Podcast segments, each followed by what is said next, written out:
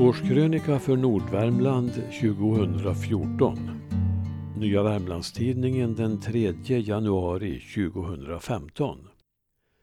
Kommer ni ihåg de viktigaste händelserna i norra Värmland under 2014?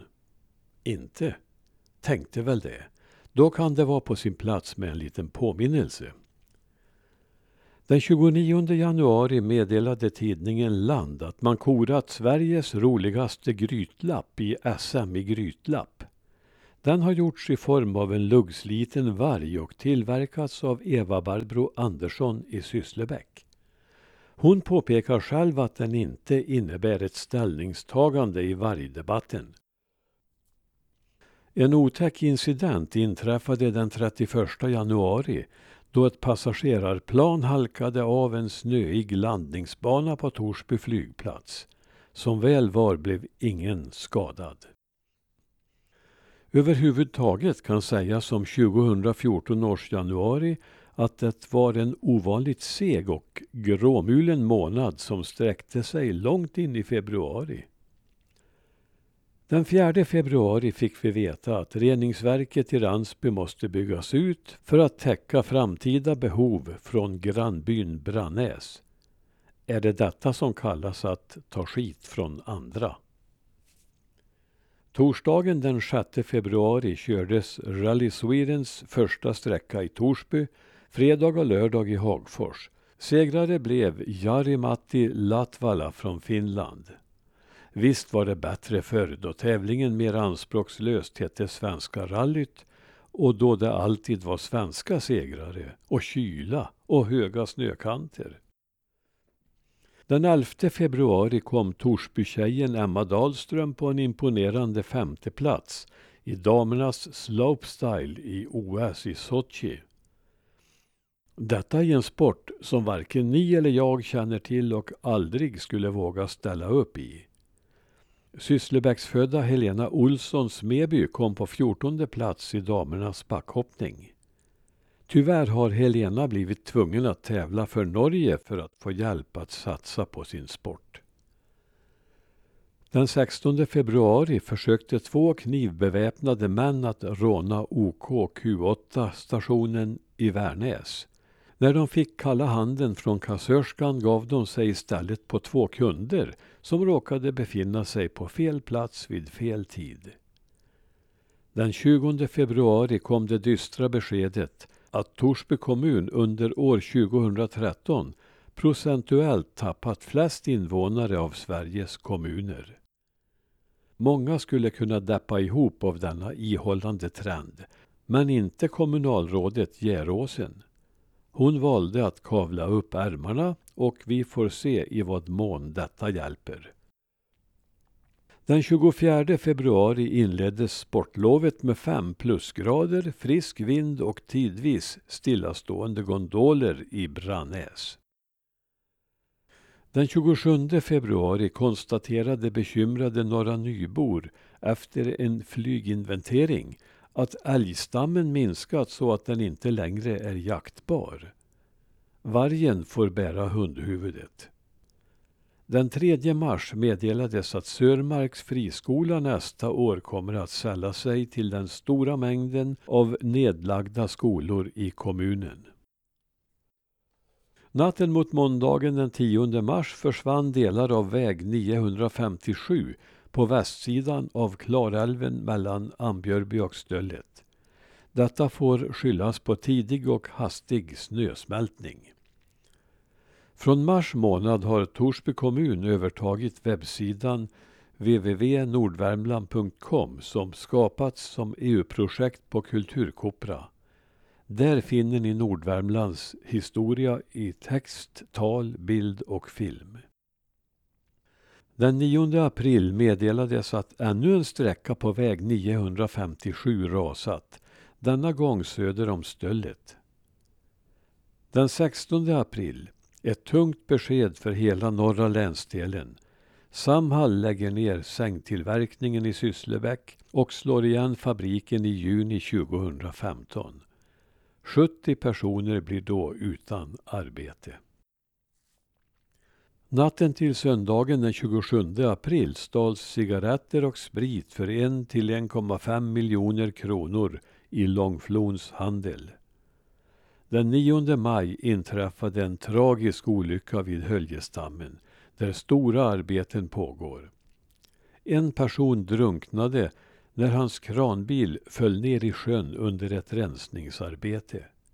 Kroppen hittades inte.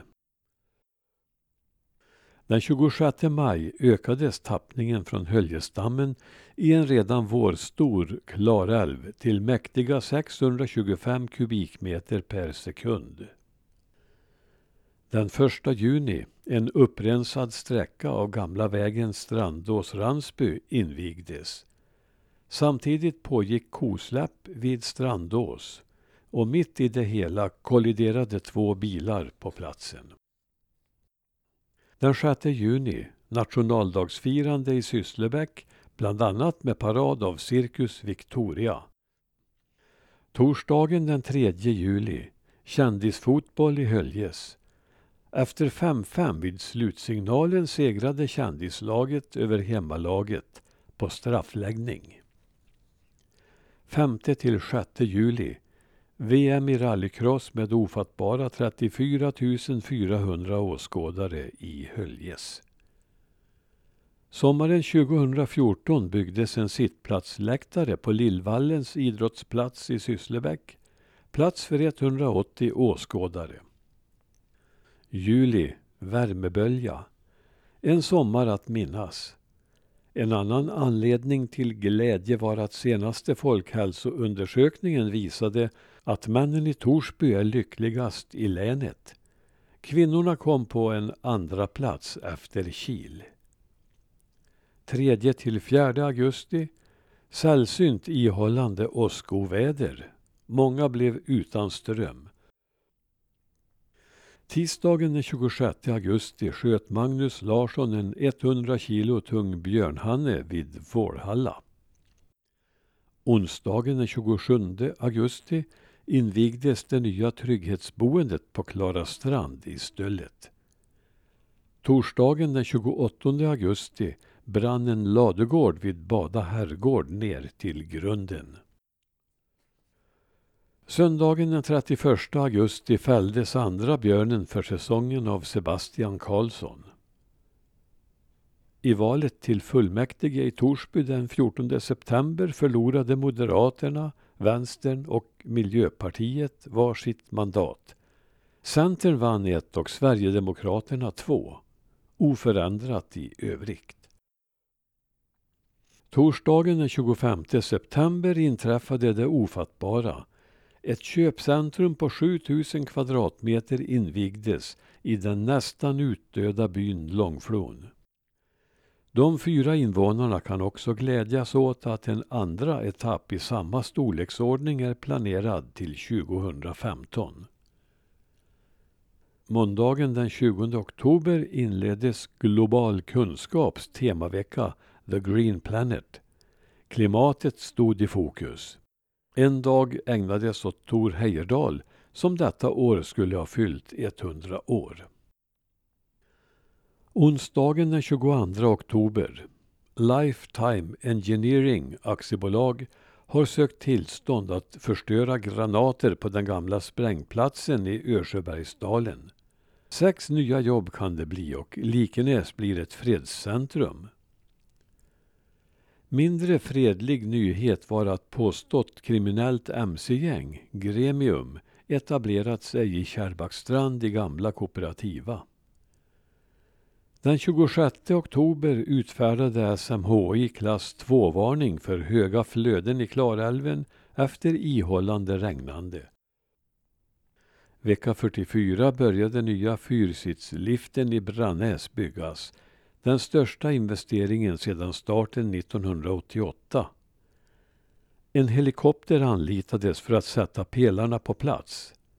Nu ska toppen nås även när vinden stoppar gondolerna. Fredagen den 31 oktober. På natten blev Gremiums klubblokal på Stranna vandaliserad och elva dagar senare brann det i lokalerna. Tisdagen den 25 november nådde solen Nordvärmland för första gången på halvannan månad. Onsdagen den 3 december meddelade NVT att Gremium tycks ha lämnat sin klubblokal.